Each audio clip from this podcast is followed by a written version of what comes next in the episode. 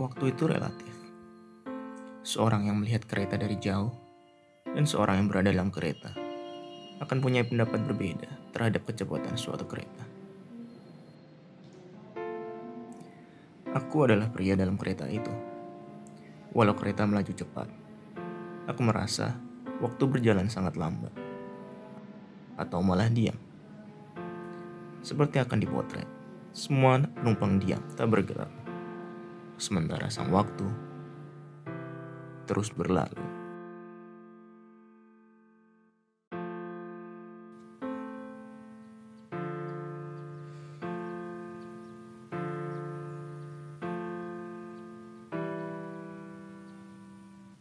Waktu itu relatif. Seseorang yang melihat kereta dari jauh dan seseorang yang berada dalam kereta itu sendiri akan mempunyai pendapat berbeda terhadap kecepatan suatu kereta. Aku adalah wanita yang melihat kereta dari kejauhan. Kereta itu bergerak begitu cepat dibanding aku yang tak bergerak. Waktu terus berlalu, sementara aku masih di sini.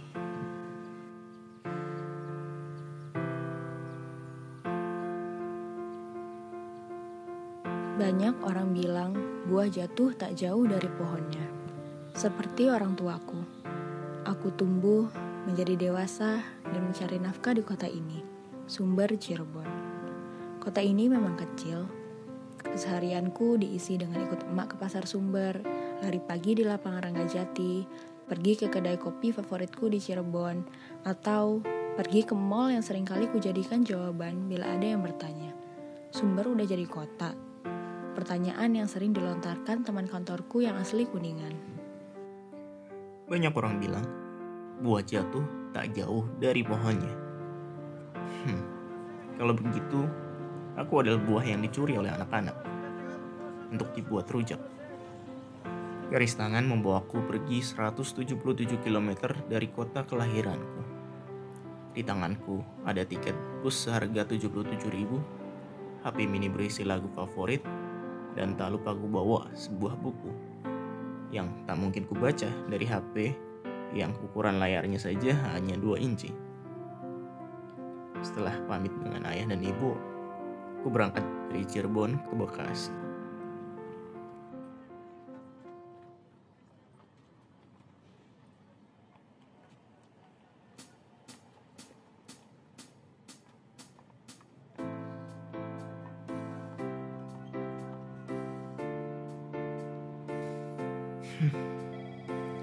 Hidup itu sulit, tak ada buku manualnya. Kalaupun ada, mungkin itu satu-satunya buku manual yang akan kubaca. Aku adalah orang yang salah, yang berada di tempat yang salah. Pekerjaan ini hanya menuntut keterampilanku saja. Tapi bagaikan lagu dangdut favoritku, ku beri hati, dialah minta jantung. Tak ada pelajaran ini dalam bangku kuliah, apa sih yang disebut bekerja dengan baik? Apakah ketika kita melakukan sesuatu sesuai dengan SOP sampai dengan titik komanya? Atau ketika hasil pekerjaan kita menyenangkan pihak lain? Apa pantas aku menerima kelakuan ini? Rasanya tidak. Tapi mungkin aku mengacaukan garis karmaku sendiri saat mengambil uang 50 ribu yang kutemukan di jalan atau tak pernah sekalipun ngasih tips pada abang-abang ojek. Entahlah, satu hal yang ku tahu pasti adalah aku akan melaluinya. Hidup ini adalah tantangan dan aku menyukainya. Ada perasaan tersendiri ketika kita bisa menyelesaikan suatu pekerjaan dengan baik tentunya. Bagaimananya adalah konsep yang masih kupelajari sampai sekarang. Hidup itu sulit, tak ada buku manualnya. Kalaupun ada, tak perlu kubaca, karena aku akan menulis bukuku sendiri.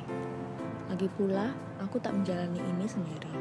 Ada orang tuaku dan teman-temanku yang masih di sini sebagai support sistemku. Kita sebagai manusia akan selalu membutuhkan orang lain.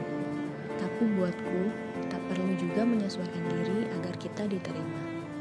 Aku butuh teman, menyimpan galeri foto di media sosial yang bahkan gak pernah ngobrol bareng. Hmm, Andi mana ya? Sudah 20 menit kok gak sampai juga sih.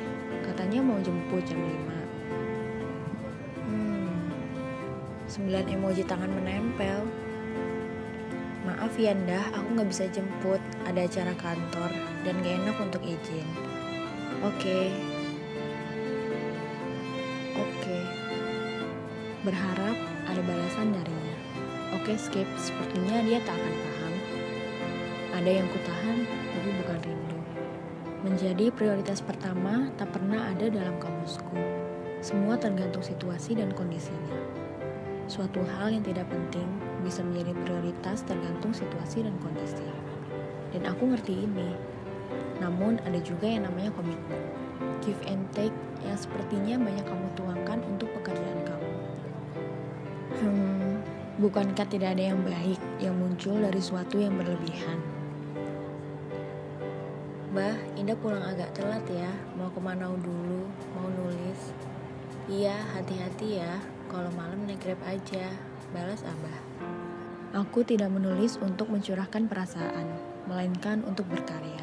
Walau kadang karyaku mencerminkan apa yang kurasakan. Menulis membuatku berpikir tenang, membantuku menata diri, dan juga dapat membawa imajinasiku ke tempat lain. Membayangkan bagaimana protagonisku berpetualang ke tempat yang tak pernah kukunjungi, merupakan kepuasan pribadiku. Tak selalu aku pergi ke kafe untuk menulis. Namun untuk kali ini, aku mau sendiri dengan tabletku. Tak ada hal baik yang muncul dari sesuatu yang berlebihan. Miso, Indomie Soto, The Ultimate Indomie. Apa yang terjadi pada dirimu? Rasamu di hari Sabtu tak seenak di hari Senin. Nasib anak rantau ya begini. Mau makan di kantin, cuma selisih 10 ribu bisa makan di AFC. Mau makan di KFC, harganya lebih mahal 10 ribu daripada di kantin. Mau pulang tiap minggu, mahal.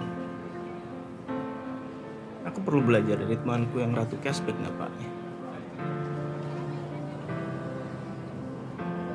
Setidaknya kehidupan kantorku jauh lebih baik dibanding dengan isu gizi makanan dan kuhadapi. Aku dipindahkan ke bagian yang baru. Tantangan di bagian ini sedikit berbeda dengan bagian sebelumnya.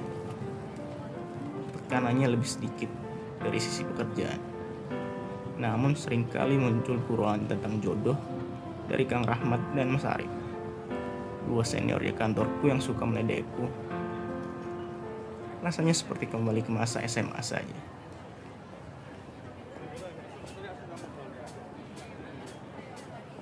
Jodoh itu apa sih?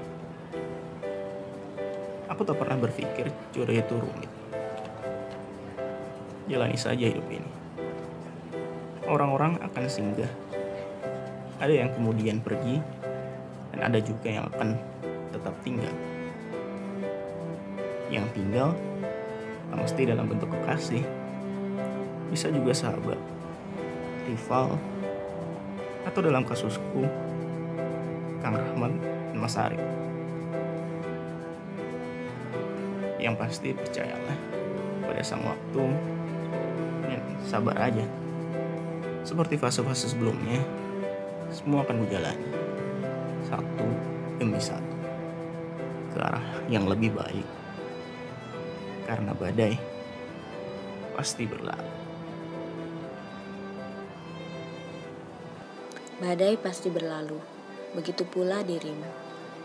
Hari itu Andi mendapatkan promosi, tapi dia harus bertugas ke tempat lain. Kami bicara panjang mengenai bagaimana dengan kami. Aku tak bisa meninggalkan kota ini, setidaknya saat ini. Mungkin nanti, aku tak tahu kapan. Yuk pulang, ku ajak Andi pulang. Tak ada yang bisa dibahas lagi saat ini. Yuk, jawabnya. Aku tak bisa marah padanya karena mengejar mimpinya. Kami masih muda dan jalan kami masih panjang. Kami tak bisa berhenti di sini. Aku tak bisa berhenti di sini. Dan aku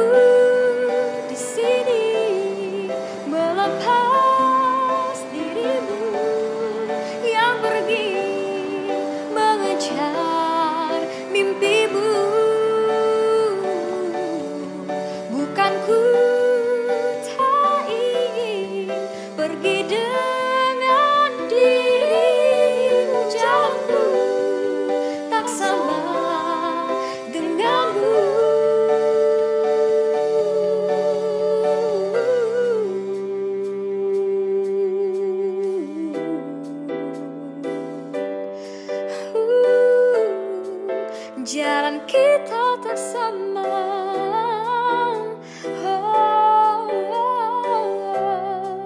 Jalan kita tak sama